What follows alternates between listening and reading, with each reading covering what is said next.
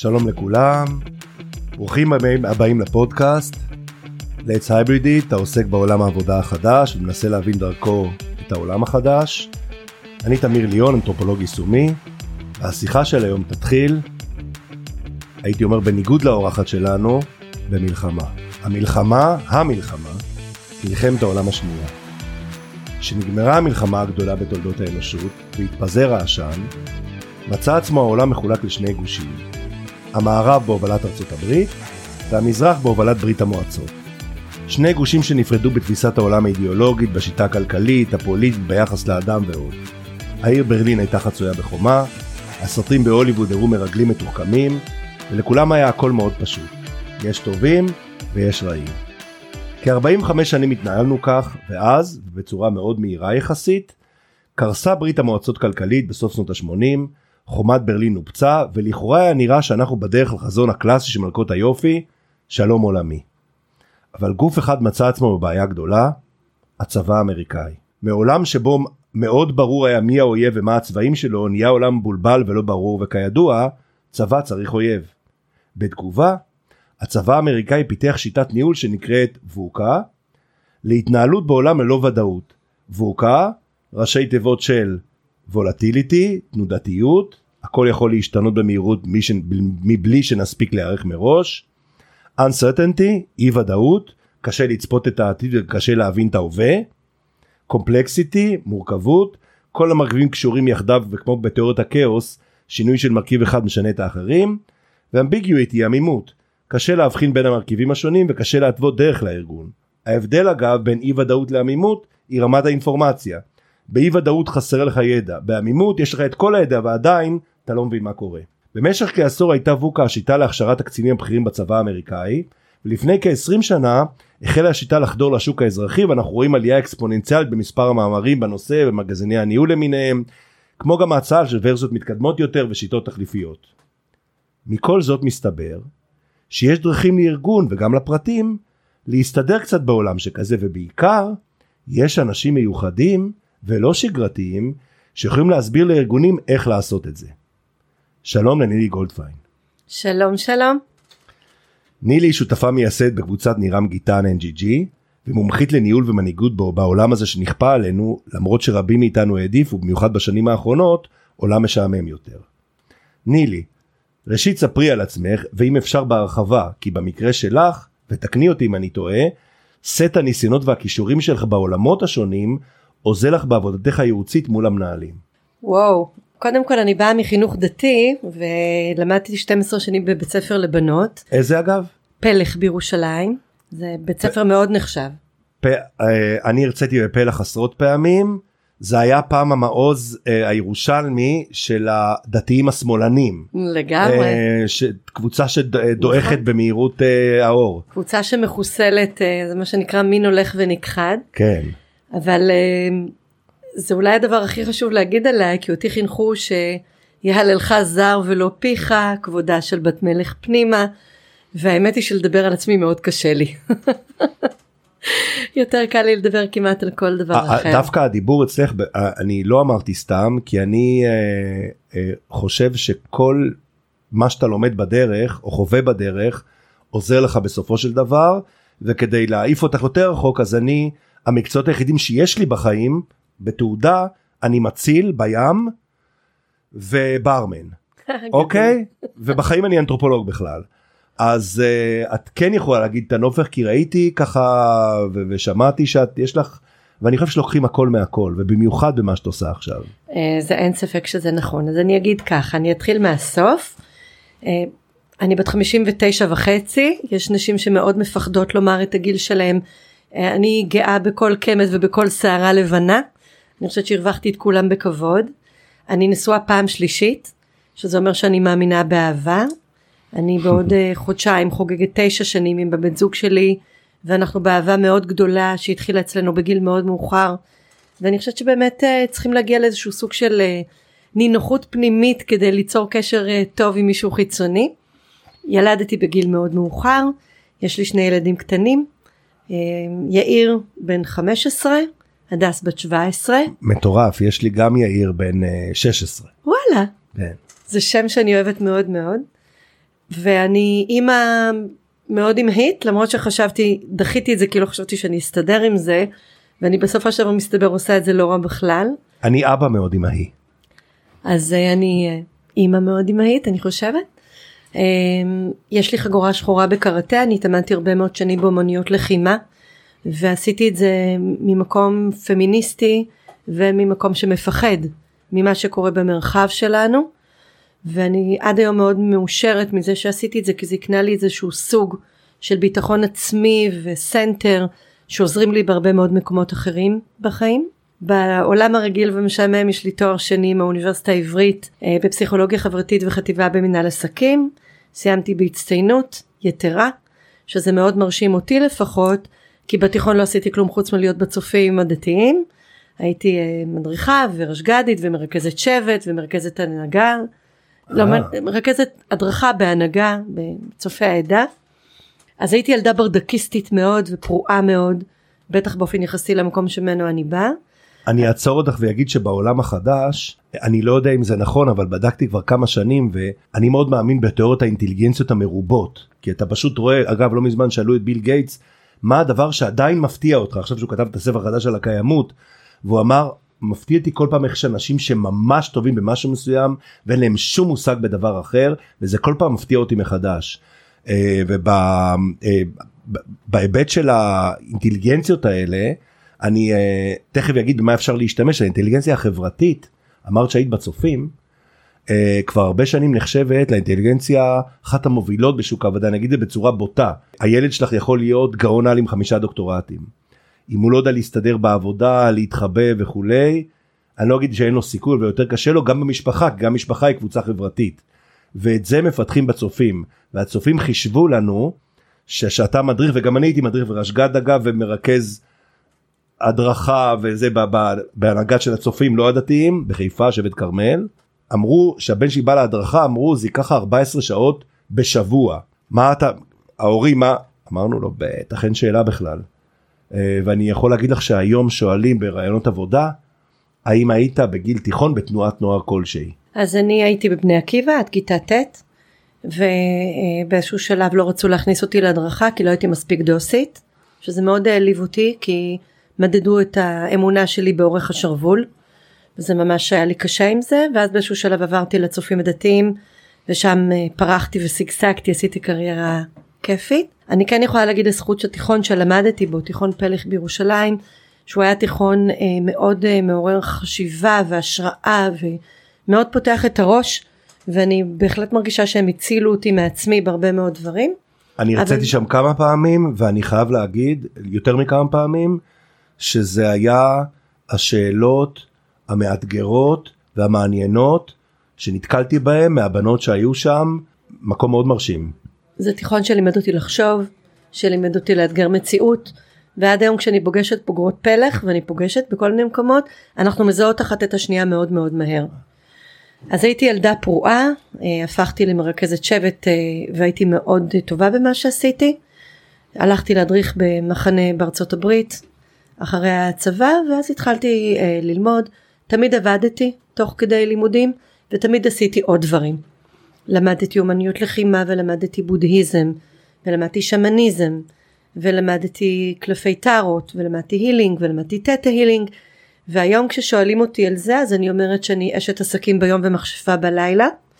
ואז איזה חברה ביקשה שאני אגדיר שאני מכשפה לבנה ושאלו אותי למה מכשפה ולא קוסמת למה מכשפה ולא פייה. אז אני אומרת תמיד והשבוע הזה רלוונטי מתמיד בגלל ההחלטה המטומטמת של בית המשפט בארצות הברית על ההפלות שאני אומרת שאני מכשפה גם לזכר אחיותיי שעלו על המוקד בכל המאות הקודמות על העובדה שהם עזרו לאנשים וריפאו אותם וילדו אותם. או סתם היו נשים אגב. או סתם היו נשים או יפות קצת יותר מדי לטעם מישהו. אז אני יכולה להגיד היום שאני אשת איש ואני אם ואני אשת עסקים ואני יוצאת לניהול ואני מכשפה ואני מכשפה גאה. אה, ואני בודהיסטית ואני יוגיסטית ואני בעד הרבה מאוד אה, דברים היום קוראים לזה סלשרים היום יש לזה ביטוי קוראים לזה סלשרים ואני מאמינה שאנחנו חיים בדור שלכולנו יש המון המון כישורים ולכולנו יש המון המון תחומי עניין והמון יכולות לתרום לאנושות ואנחנו חיים בדור שמאפשר את זה ואני אסירת תודה על כך. אז אם מדברים על הדור, אגב אני כאנתרופולוג מצוטט אה, כפייתי, ראיתי שמשתמשים בזה, ישבתי לפני שנכנס פה בית קפה למעלה ככה וכאילו אז אה, שמעתי איזה אחד מדבר כנראה עם לקוחות שלו והוא אמר אני מהדור אין לי יותר פקסים תשלח לי בזה, הוא משתמש בעצמו כי אני מהדור שזה מעניין ככה תודעה עצמית אבל אני אשאל אותך אה. עם כל סט הכישורים הזה בוא בוא תנסי להגיד לי מה מה זה העולם הזה זה, את, את אומרת שזה עולם בהפרעה למה את מתכוונת? אני מתכוונת קודם כל לומר אה, מה זה עולם בהפרעה? אני, אני ממשיכה את הווקה שלך ממקודם. הייתה תקופה שהאמריקאים שמנסים למדל כל דבר אמרו שאם יש בעיה שנקראת ווקה שזה כאוס או תוהו ובוהו אז יש פתרון שנקרא ווקה פריים. והם דיברו על העובדה שאם V זה וולטיליטי אנחנו נעשה vision ואנחנו נסביר לאנשים איך להתנהג ואם יש uncertainty אז אנחנו נעשה דברים אחרים היום אגב קוראים לזה בני זה גם ראשי תיבות של משהו. אבל הסיפור של עולם בהפרעה אומר שכל החוקים שהיו קיימים במאה ה-20 אחרי מלחמת העולם השנייה והגדירו מי טובים והגדירו מי רעים והגדירו מי נגד מי השתנו לא במובן שאין טובים ורעים רק הכל הרבה יותר מבולבל. אם פעם החברות הטכנולוגיות היו אלה שהביאו את הקדמה היום הן מביאות ביחד עם הקדמה הרבה מאוד נזק. אם פעם ממשלות היו אלה שהיו צריכות להוביל את האומות היום הם הרבה מאוד פעמים כופות על האזרחים דברים שלא מתאימים להם ומנסים לשלוט בעצם באזרחים יש לי חברה מהמכון לדמוקרטיה שקוראת לזה נתינים. זאת אומרת, יש, יש אזרחים ויש נתינים, אנחנו נתינים בהרבה מאוד דברים. אם פעם הייתה תשובה אה, שהחברות הגדולות הן הרעות והמזיקות והקפיטליסטיות, היום אלו החברות שבאות אה, ועוזרות לאנשים אצלן ללהט"בים לעשות פונדקאות ולנשים בהריון לעשות אה, הפלות ולאנשים שלא מוצאים את עצמם לעשות הסבה מקצועית. אז כל הסיפור הזה של טוב ורע אור וחושך נמצא נוכח רק הוא מעורבב הרבה יותר במה שהיה קודם. יש לזה יתרונות ויש לזה חסרונות. מישהו אמר לי פעם שהמילים בעברית בלבול ולבלוב מגיעות מאותם האותיות ואם אנחנו לא מתבלבלים קשה לנו מאוד ללבלב כי אם הכל נורא נורא ברור אין שאלות והיום בגלל שהכל מעורבב ומבולבל ואין נכון ולא נכון אלא יש נכון נכון נכון לא נכון לא נכון לא נכון זה עולם בהפרעה העולם הוא כבר לא מה שהוא היה קודם והוא עדיין לא מה שהוא יהיה אחר כך אנחנו באיזושהי תקופת מעבר אז השינוי משתנה. בתקופת מעבר שלי... אני רואה את הרקע הרוחני שלך. כן כנראה שזה הזאת, נכון כן. כן כנראה שזה נכון יש אה, כשאני מרצה על זה אז שואלים אותי אבל שינוי כבר היה תמיד כאילו הרקליטוס אמר ב-500 לפני הספירה הדבר היחידי הקבוע בחיינו הוא שינוי ואני אומרת שזה נכון אבל השינוי השתנה אז שואלים אותי מה המשמעות של זה אז השבוע נתתי הרצאה באיזשהו ארגון ואמרתי להם אם אתם מכירים יש ספר שנקרא אה, לקוף יש בעיה של ג'וליה דונלדסון. הקראתי אותו לדעתי מאות פעמים. מבריק. מבריק ספר מבריק אז הוא אומר קוף קטן הולך בג'ונגל מחפש את אימא שלו למי שלא מכיר ופרפר קטן עוזר לו למצוא את אימא שלו והם הולכים והקוף אומר אמא שלי גדולה אז הפרפר לוקח אותו לפילה. אה, הקוף אומר יש לה זנב ארוך אז הפרפר לוקח אותו לנחשה. ואז בסוף שהקוף מוצא את אבא ושואל איפה אמא? מה שמקובל אצלנו. הפרפר שואל את הקוף למה לא אמרת לי שאימא שלי נראית בדיוק כמוני? והקוף אומר ברור שהיא נראית כמוני אימא שלי. והפרפר אומר לו זה לא כזה ברור בוא תראה את הילדים שלי אז בעיניי היום השינוי שכולנו עוברים שהופך את העולם לעולם בהפרעה זה שפעם היה שינוי שילד הפך לאיש ואיש הפך לזקן והסיפור הוא שינוי לינארי. קוף הסביר לפרפר שככה זה כשיש שינוי מהסוג הישן והפרפר מסביר לקוף את השינוי מהסוג החדש.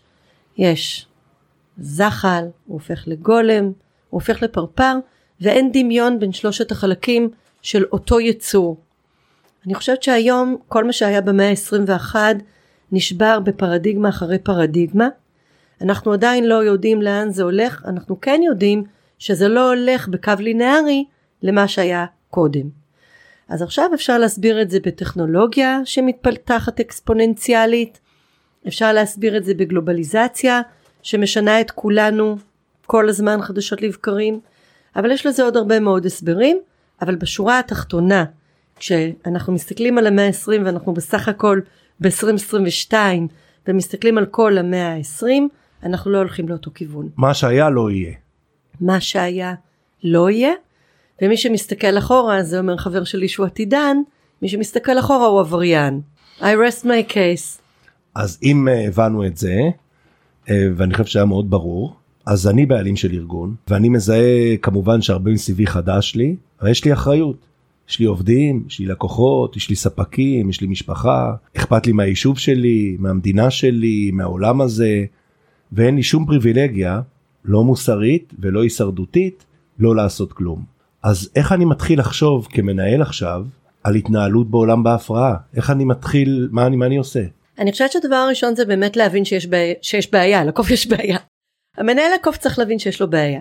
אני חושבת שאם אנשים חושבים שהקורונה היא אפיזודה וכולנו נחזור למה שהיה קודם וזה בסך הכל היה הפרעה בזמן וחוזרים למה שהיה קודם זה כבר איזושהי בעיה מאוד רצינית. אני אתן לך על זה אה, מחקר בדיוק. בתחילת הסיפור שככה עברתי במקומות אז היה מחקר חדש ששאלו ממש בתחילת הקורונה שאלו אנשים אה, בחברות האם מה שהיה בדיוק השאלה הזאת או יחזור או, או סתם זה באג כזה של הקורונה והכל יחזור מה שהיה.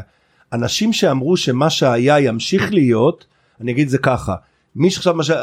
כמה שאתה יותר גבר וכמה שאתה יותר מבוגר אמרת וזה עלה עולמית שמה שהיה יחזור כמה שאתה יותר אה, צעיר וכמה שאתה יותר אישה אמרת שזה מצב חדש שלא יהיה יותר ואני לא אשכח ממש בהתחלה הייתי בארגון ביטחוני ואמרתי למה אנחנו רואים שהולך להיות וצריכים להיערך ו- ושצריך להתחיל ולעבוד מרחוק ודברים האלה ואז אחד אמר לי תקשיב זה מאוד מנהל ותיק זה מאוד מאוד uh, מעניין מה שאתה אומר אבל אצלנו בגלל כל ההיבטים של ביטחון זה וזה אז, אז, אז זה לא יוכל להיות.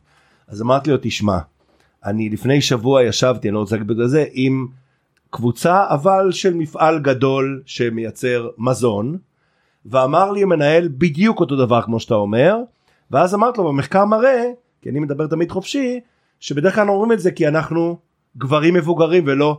אז כל הצוות זה ההרצאה שהייתה ישבתי בתור בניין וההרצאה הייתה בזום. זאת אומרת היו המון חדרים אבל הם היו בזום באותו בניין. אז כל הצוות שלו מאחוריו אה, עושה, שהוא לא ראה אותו עושה לי ככה עם הראש ככה כן כן ככה עם הראש. זאת אומרת זה בכלל הפרסונה. אז אני מבין היום ונראה לי שכולם מבינים ודרך אגב אין להם ברירה להבין כי הדור הצעיר לפחות מושך לכיוון אחר ואם אתה רוצה עובדים טאלנטים וכולי אז אתה צריך לה... אז אין לך ברירה לא משנה מה תגיד. אז הבנתי את זה. שלב א' אני לא יודע כמה הבנתי את זה לעומק אבל אמרתי שהבנתי את זה. אז שלב א' אני אומרת צריכים להיות במודעות שמה שהיה הוא לא שיהיה ואי אפשר להמשיך ללמוד מהעבר צריך להתחיל להניח הנחות עבודה חדשות לא להשתמש במודלים ובמתודולוגיות אלא להמציא. אז השלב הראשון זה שלב התובנה. השלב השני הוא פועל יוצא מהראשון אי אפשר לקחת את מה שלמדנו בבתי הספר למנהל עסקים ולהמשיך לנהל את הארגונים שלנו בדרך שלמדנו פעם. הסיפור של הנצח נבנו ושל uh, ככה ויש כל מיני תיאוריות. אנחנו צריכים לזכור שידע היום משתנה בצורה אקספוננציאלית וכל פעם שאנחנו לוקחים איזשהו מודל או איזושהי מתודולוגיה כדי להסביר דרכה את המציאות ולשים עליה יסודות אסטרטגיים אנחנו תוך רבעון יודעים שזה לא רלוונטי. זה מביא את המנהלים להגיע למקום שהם לא אוהבים אותו וזה לא נוח להם וזה הם עצמם. וואלה. רוב המנהלים שאני מכירה הם גברים לבנים בוגרי אוניברסיטאות מצוינות בארצות הברית או בארץ הם עובדים מאוד טוב עם האונה השמאלית של המוח. Facts and figures, תכנון ביצוע, כל מה שקשור בחשיבה אנליטית. הם מאוד לא אוהבים, מאוד מפחדים ומאוד חינכו אותם לא להתעסק עם כל מה שקשור באונה הימנית של המוח. זה קשור גם למה שאמרת קודם על הסיפור של הצופים. כל מה שקשור במודעות עצמית וכישורים חברתיים זה לא היו הקריטריונים לשיפוט, לקידום, לגיוס, לפיטורים, לתגמול ולענישה בתאגידים. אנחנו כולנו כחברה שפטנו אנשים על סמך פסיכומטרי. יש עדיין שאריות כאלה, אבל אנשים שנמצאים בשדה הקרב, שזה אומר בתאגידים ובמקומות שהם באמת מנהלים ארגונים גדולים, זקוקים למיומנויות חדשות לחלוטין. זה מה שנוהגים לקרוא היום אה, ניהול מהלב, ניהול רגשי, את מדברת על דברים כאלה? יש אה, אדם אה, מאוד מפורסם בתחום של אה, ארגונים שקוראים לו ג'וש ברסין, הוא כתב בנובמבר 20 מחקר מעולה ומצוין, הוא קורא להם power skills למיומנויות האלה. הוא אומר מה שנקרא פעם מיומנויות רכות, הוא אומר אין בזה שום דבר רך, זה דבר מאוד מאוד קשה ללמוד ולפתח, אבל כל מה שקשור במנהיגות רשתית, במיומנויות השפעה, בניהול שותפויות, ביכולת ללמוד, למחוק וללמוד מחדש. את זה אמר אל, אלווין טופלר. אז כל מה שקשור ב-right brain, ב-self awareness, סליחה על האנגלית, מודעות עצמית, ובכישורים בין אישיים שמלמדים אנשים לזוז מהר בסביבות מורכבות, זה יושב על חוסן, זה יושב על אג'יליות, אלה המיומנויות החדשות. יש uh, כל שנה ועידה כלכלית עולמית, כל שנה הם מוציאים רשימות של מה מאפיין את המנהל החדש, ג'וש ברסין יושב על הרשימות האלה, אבל מדברים לחלוטין על מיומנויות ולא על גופי ידע, על יכולת להכיר את עצמי טוב, להשתנות מהר ולסחוב סביבי אנשים, לשבור את המבנים ההיררכיים ולשבת על מנהיגות שהיא מבוססת השפעה ולא סמכות, אלה הדברים שעושים המנהלים החדשים. זה גורם להם, זה ב', זה סעיף ב'. אז סעיף א' זה מודעות לסביבה, סעיף ב' זה מודעות לעצמי, סעיף ג' זה כל מה שקשור במיומנויות וכישורים שאינם יושבים על גופי ידע, והסעיף הבא זה כל מה שקשור בניהול נכון באקו סיסטם. יש לי קולגה שקוראים לו עמרי גפן, הוא כתב לאחרונה ספר שנקרא מ ego system ל ecosystem, כל מה שקשור בלזוז במרחב מורכב ולעשות ניהול שותפויות וקשרים לטובת המטרות, זה המבחן הכי גדול של מנהלים היום, וזה מה שהם צריכים ללמוד לעשות. הסיפור הזה של אגו, אפרופו גברים לבנים אוניברסיטאות אה, מובילות, בגוואן רג'ניש אמר פעם שהאגו הוא כלי מצוין בתנאי שהוא זוכר שהוא משרת ולא אדון. רוב הגברים הלבנים, המשכילים, המצליחים, הכריזמטיים שאני מכירה, קשה להם מאוד בדיאלוג של עצמם עם האגו שלהם. והסיפור הזה של עבודת צוות וניהול שותפויות ולתת מקום בריקוד הזה לאנשים אחרים זה מיומנויות חדשות שמלמדים היום בארגונים ועל זה ייבחנו המנהלים החדשים. זה יותר קל לאנשים צעירים ולנשים, אפרופו מה שאמרת קודם. אנחנו ראינו אגב שאנחנו מדברים על עולם שבו חלק מהעבודה נעשית מרחוק ואנחנו מתחילים לראות באמת אה, שינוי אה, גם בעובדים דרך אגב זה סוג שיכול אוניברסיטה פתוחה כאלה שיודעים לנהל את עצמם אה, יותר טוב ותקשורתיים גם בצורה מסוימת כי אני לא יכול כמו עכשיו שאנחנו מדברים אני עושה כן עם הראש ואת עושה לי וכולי אנחנו לא נמצאים במצב הזה ולכן אנחנו צריכים להגיד קיבלתי הכל כדי שהתקשורת תעבוד אבל המנהלים אנחנו באמת רואים בדיוק כמו שאמרת שנדרשים מנהלים עם סוג כריזמה אחר שיכולה לעבוד מרחוק. זאת אומרת שכל הבאמת סיפור של האגו צריך לזוז הצידה וצריך ללכת לכיוונים בכלל אחרים.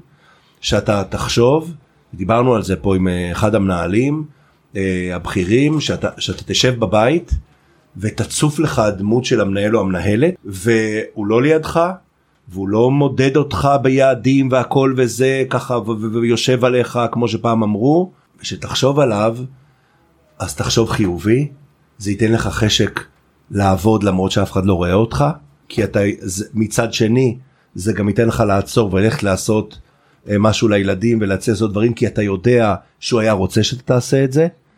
וזאת הדבר הזה אני חושב שבסוף זה צריך גם לעבוד הכל כלכלית שמתי לב את יודעת אני אה, מרים כבר uh, כמה שנים מקום של חינוך לקיימות בקיבוץ יראון בצפון כי הגענו למסקנה שאפשר שהקיימות היא נושא לקחת את הנוער כי קיימות כמובן כמו שאת יודעת ברמה הרחבה זה לא איכות סביבה אלא שינוי תרבותי שלם.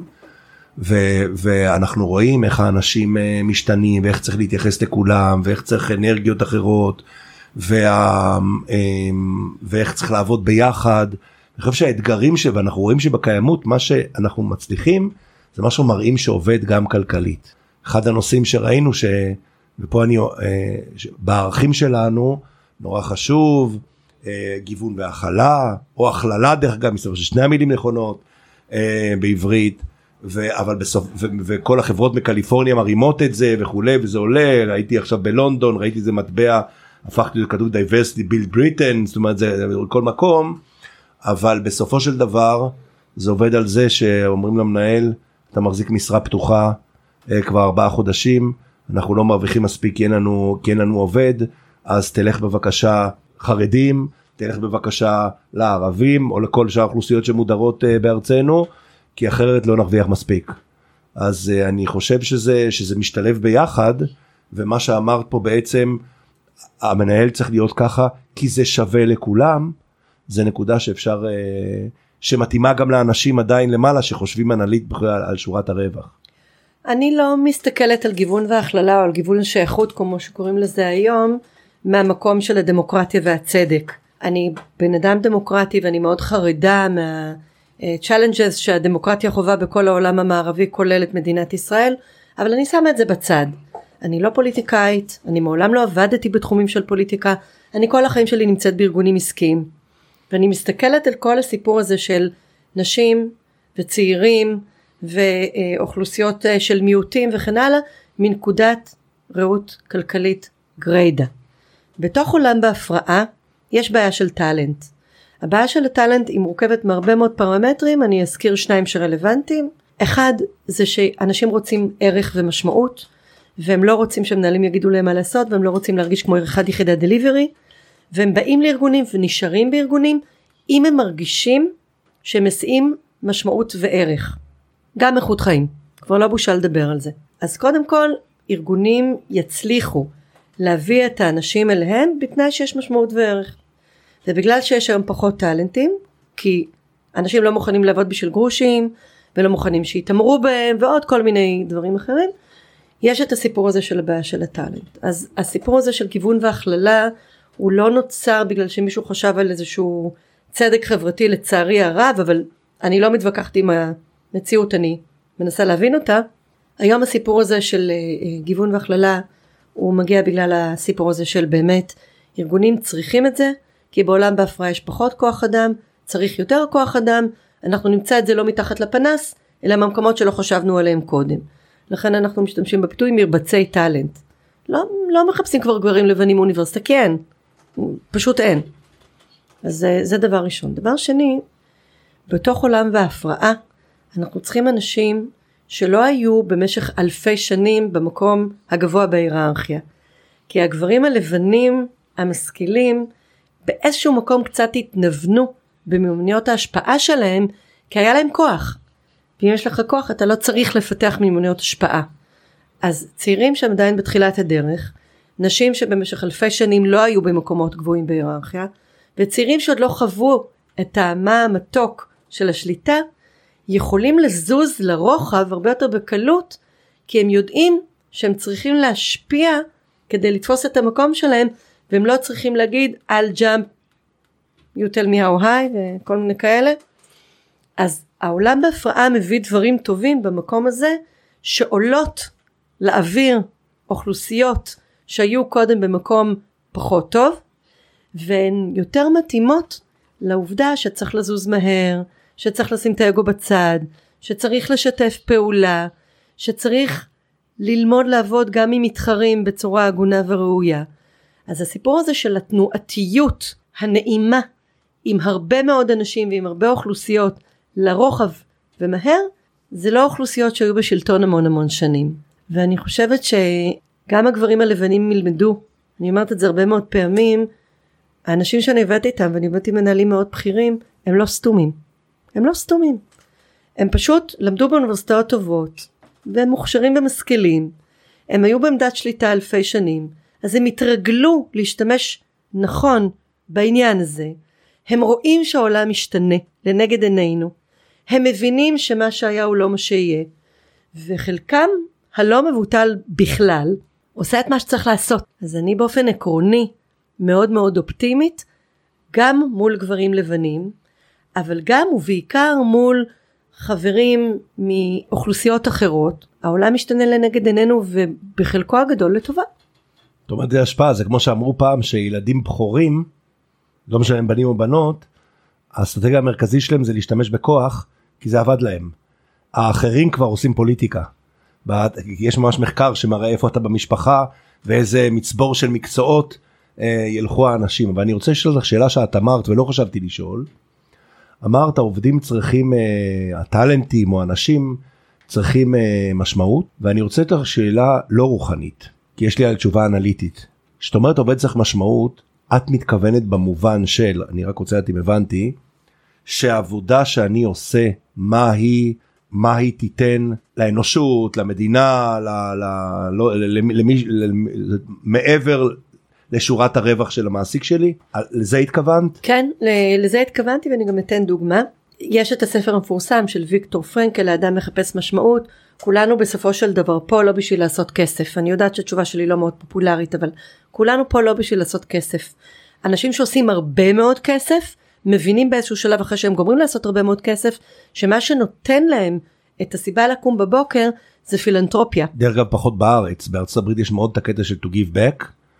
בארץ באופן יחסי חוץ מלבאי ועוד כמה סוגים אה, מסוימים בארץ באופן יחסי האנשים העשירים נותנים פחות. זה נכון ויחד עם זאת אני חושבת שבסופו של דבר יש לנו נרטיב קולקטיבי אנחנו מדינה צעירה ואנחנו עברנו גיהנום ואנחנו נמצאים עדיין במוד של הישרדות. לגמרי. ארה"ב גם אנחנו מ... בתקנון שעת חירום דרך אגב. נכון ארה"ב משתנה לנגד עינינו אבל אני אומרת אם אני מסתכלת על כל כדור הארץ בכל האומות אנחנו כן רואים עשייה במשמעות בפל... בפילוטופיה חלקנו משלב מאוד מוקדם וחלקנו אחרי שעשינו כסף. אבל אני אומרת באופן עקרוני מי שקצת קורא באמת פילוסופיה מבין שאנחנו לא פה בשביל זה. ארגונים מבינים את זה בדרך הקשה. תמיד. היה לי לקוח שעבדתי איתו הרבה מאוד שנים, חברה שנקראת סטרטסיס, הם עושים הדפסות תלת מימד. במשך הרבה מאוד שנים בשביל להביא טאלנט לחברה, הם הוציאו בפרסומים שלהם, בואו תראו איזה טכנולוגיה מגניבה יש לנו. אנחנו אשכרה מדע בדיוני. מכניסים בתוך המכונה שרטוט של חלק של מטוס, של אקדח, של צעצוע, ובצד השני יוצא מוצר בתלת מימד. אשתי מנכלה חברה כזאת. וואלה. אז בניו ו- יורק. ואני אה, אני עבדתי איתם ומאוד אהבתי להסתובב ב, במרכז הפיתוח שם, זה, זה באמת, זה מדהים, זה מדע בדיוני, זה, זה, זה כיף. אני מאוד אוהבת טכנולוגיה ואני מאוד אוהבת לראות תעשייה, זה, זה, יצאתי משם תמיד בהיי. ובמהלך השנים הם עשו כל מיני דברים, עלו, ירדו, עלו, ירדו, עכשיו תודה להם לתקופה מצוינת. אבל אחד הדברים שהם עשו, אחד הפרויקטים שהם עשו, היה פרויקט משותף עם בית חולים איכילוב.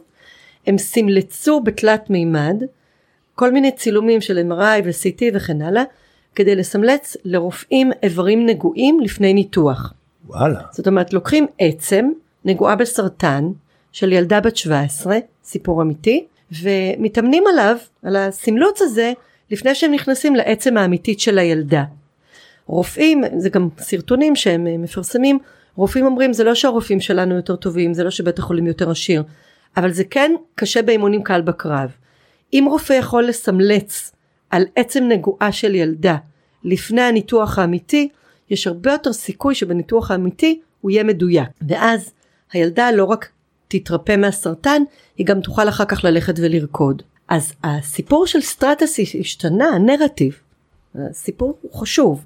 הנרטיב השתנה מ"יש לנו טכנולוגיה בדיונית", זה נכון, אבל זה לא קשור לכלום. לעובדה שאנחנו יכולים להביא מזור לרופאים ולחולים ולאנושות כולה, כי אנחנו עושים משהו שיכול אחר כך להציל חיים. אז הסיפור, הנרטיב של ארגונים היום משתנה, וארגונים מחפשים לספר את הסיפור באופן שבו אנחנו משדרים ליקום ולעולם כי זה מה שהעובדים שלהם, אה, כי אז הם יודעים שיהיה להם עובדים. כי זה מה שכולנו מחפשים, זה לא רק העובדים, זה המשקיעים. אוקיי? מדברים פה על המשקיעים. אתה הולך היום לעשות road show ואתה רוצה לגייס כסף לארגון שלך, אתה לא תספר כמה הטכנולוגיה שלך בדיונית, אתה תספר במה אתה מועיל לאנושות. האנושות זה יכול להיות כדור הארץ, זה יכול להיות האקלים, זה יכול להיות האנשים, זה יכול להיות החברה, אבל הנרטיב עובר מדברים שקשורים בטכנולוגיה וכסף, לדברים שעוברים לערך מוסף יחסי לכדור הארץ ולאנושות. זה נכון לעובדים, זה נכון לבני המשפחות שלהם, וזה נכון למשקיעים שמשים שם כסף. אז מצד אחד כוח האדם, מצד שני הכסף, ואתה נמצא במקום אחר. זה גם אחד השינויים הטובים והמיטיבים שעולם בהפרעה מביא לנו. יש לנו אגב כאן כמה דקות פה מתחילים לאיים עליהם בסכינים אני כן אני אגיד משהו לא נפתח אותו, ואז אני אשאל אותך שאלה אחרת שרציתי לשאול אותך ככה, אה, אני רוצה להגיד משהו על משמעות, אה, משהו שיכול להיות שאת דווקא תביני לפעמים ברקע שלך, לפעמים נתפס דברים כמו משמעות במובן של ויקטור פרנקל שאת העלית, שמשמעות זה לעשות משהו, נגיד זה בצורה בנאלית, טוב למישהו או משהו אחר, אוקיי? אבל האדם, המשמעות שלו לא באה משם. המשמעות של האדם, האדם, האדם, מקבל משמעות דרך שייכות. שזה יותר מתוחכם, זה, זה כמו שאת אמרת, אבל זה מתוחכם בצורה אחרת. זאת אומרת, זה, נגיד ככה, אמ, למה מתפללים במניין? השכינה שורה איפה שיש מניין. מה, לא שומעים אותי? כשאני מגיע לבית כנסת, אני מגיע למועדון. לפני, לא זוכר, 90 משהו שנה, לקחו את הגמרא, חילקו אותה לדפים יומיים קבועים, מה שנקרא דף יומי, כי כשאני נוסע לזימבבואה ופוגש יהודי שהגיע מניו יורק, שנינו למד אותו דף גמרא באותו יום. אנחנו רואים היום שאנחנו מסתכלים על מה העובד מחפש בחברה שלו, אנחנו, ולמה הוא יותר נכון, נשאר בחברה שלו, ויש לנו, זה כמו שאת יודעת, בעיה קשה אה, מאוד בתקופתנו, אנחנו רואים שני דברים מרכזיים. אחד, אותו מנהל שתיארת, שמנהל מהלב ורגשי ורואה את העובדים ובאמת נותן להם ערך מוסף ובלי אגו וככה עושה את מה ש... כל מה שדיברנו, אני גם בעדו. והדבר השני, אפילו יותר חשוב מזה, כי זה נכון כבר 100 שנה, מבחינת המנהל, הוא בא לקבוצה חברתית, הוא לא בא בכלל לחברה, הוא בא לקהילה. אנחנו ממש שואלים במחקרים איפה החברים הטובים שלך.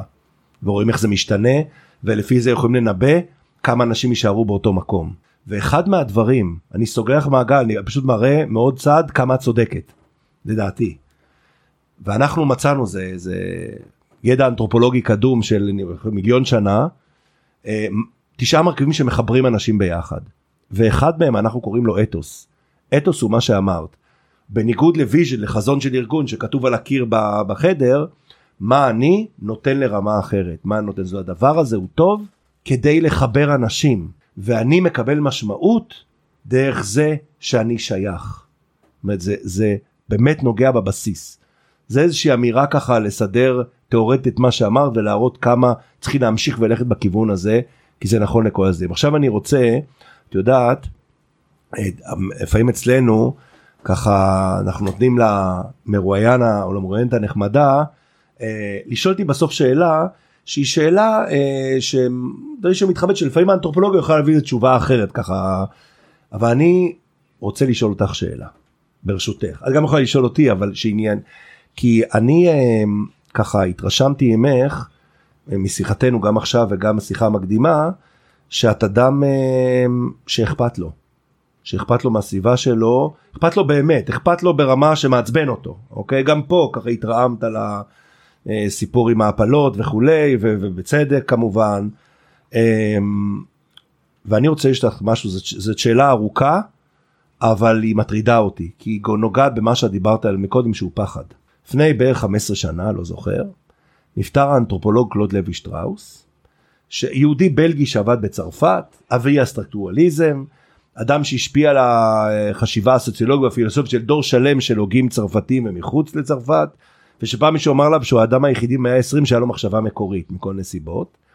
בתצפיות שלו בשבטים בעיקר באזור ברזיל, הוא זיהה תופעה כלל אנושית, הנטייה הטבעית לחלק את העולם, לחשוב בדואליות. גבר אישה, גננת גיהנום, יום לילה, שמש ירח, אפס אחד, יש השערה, לא שלו, שזה המחשבה ככה נהייתה בגלל הדומיננטיות של השמש בעולם, שרוב ההיסטוריה לא היה חשמל, ולכן התחלנו לחשוב יום ולילה וזה עיצב מטה את כל החשיבה שלנו. ממה אני חושש?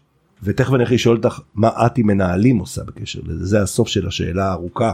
זה מסוג השאלות שבסוף אתה אומר כן. Uh, החשש שלי, והוא חשש אמיתי כי אני גם מוטרד, ואני רואה את זה בצורה מובהקת בדור הצעיר שאני חוקר אותו, שבמקרה של עולם לא ברור, עולם בהפרעה, אנחנו ניסוג, כי זה הבסיס שלנו לצורת חשיבה כזאת. מי בעדי, מי נגדי. אה, הארגונים התחילו לחשוב ככה, הפוליטיקה כבר חושבת ככה, ימין ושמאל, פובליקאים דמוקרטים, נהיו אויבים ובוגדים וכולם שכחו שיד ימין ויד שמאל שייכים לאותו בן אדם. חשיבה שמונעת מפחד קדום, את יודעת, כיפה אדומה זה בעצם אמרו לה סיפור ילדים שאמר פה בכפר כולם מכירים את כולם, שתצאת החוצה כולם זאבים.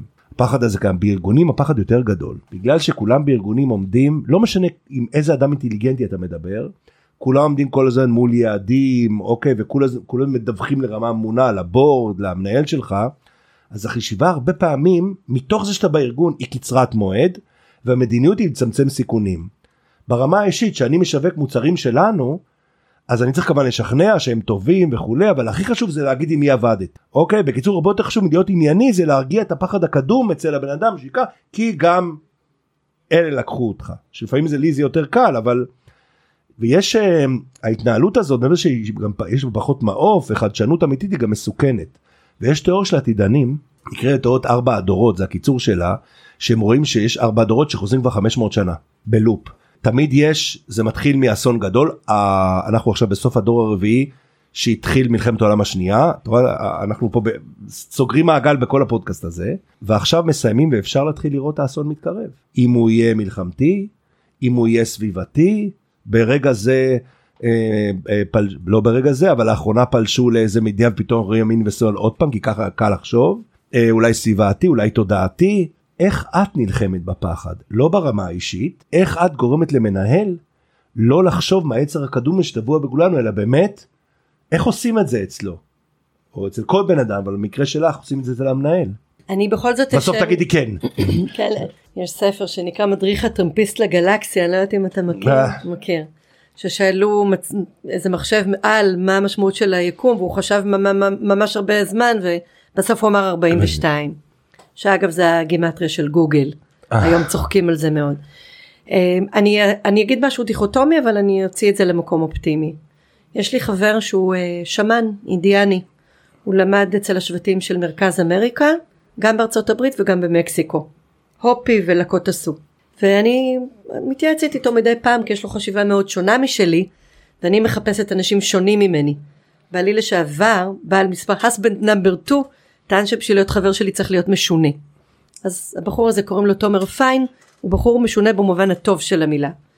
הוא אמר לי נילי את תמיד מסבכת כל דבר פשוט. העולם מתחלק לשניים, לפחד ואהבה.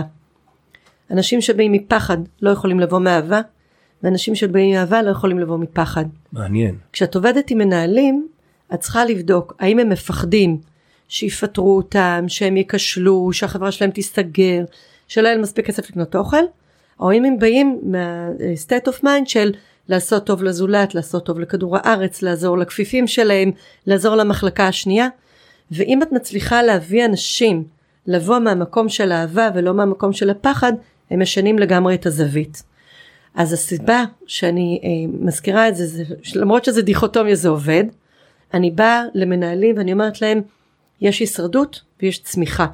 אפשר לחשוב ניהול סיכונים מהישרדות, ואפשר לחשוב ניהול סיכונים מצמיחה, בואו נצמח. ואני אומרת עוד פעם, זה נשמע פשטני, אבל יש לזה הרבה מאוד by-products, וזה עובד. זה מאוד אופטימי. אני בחורה אופטימית. גם אני. אחרת לא הייתי עושה... אתה לא בחורה אופטימית. אני לא בחורה אופטימית, כן, אבל אני חושב שזה הדרך היחידה. אנחנו לפעמים מלמדים הורים איך להיות, איך לגדל ילדים אופטימיים.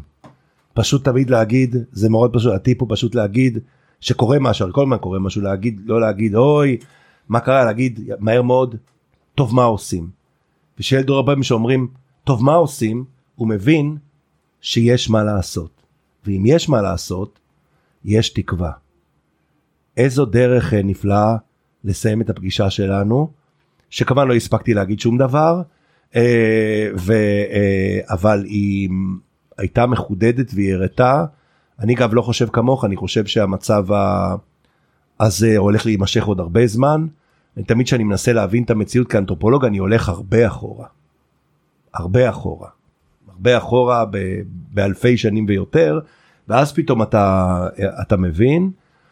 אני חושב שהתקופת שינוי הזה תיקח הרבה מאוד זמן, ואני חושב, חושב שאנחנו צריכים מורי דרך בארגונים, ברמה האישית וכולי, ואני שמח שה... אה, יקום הביא אותך למקום שאת נמצאת בו עכשיו ואני מודה לך נילי על השיחה שלנו ושיהיה לכולנו רק הצלחה והרבה אופטימיות. אה, תודה רבה לכולם ואפשר למצוא אותנו בכל הערוצים האפשריים. כל טוב שיהיה לכם. תודה רבה שהזמנתם אותי.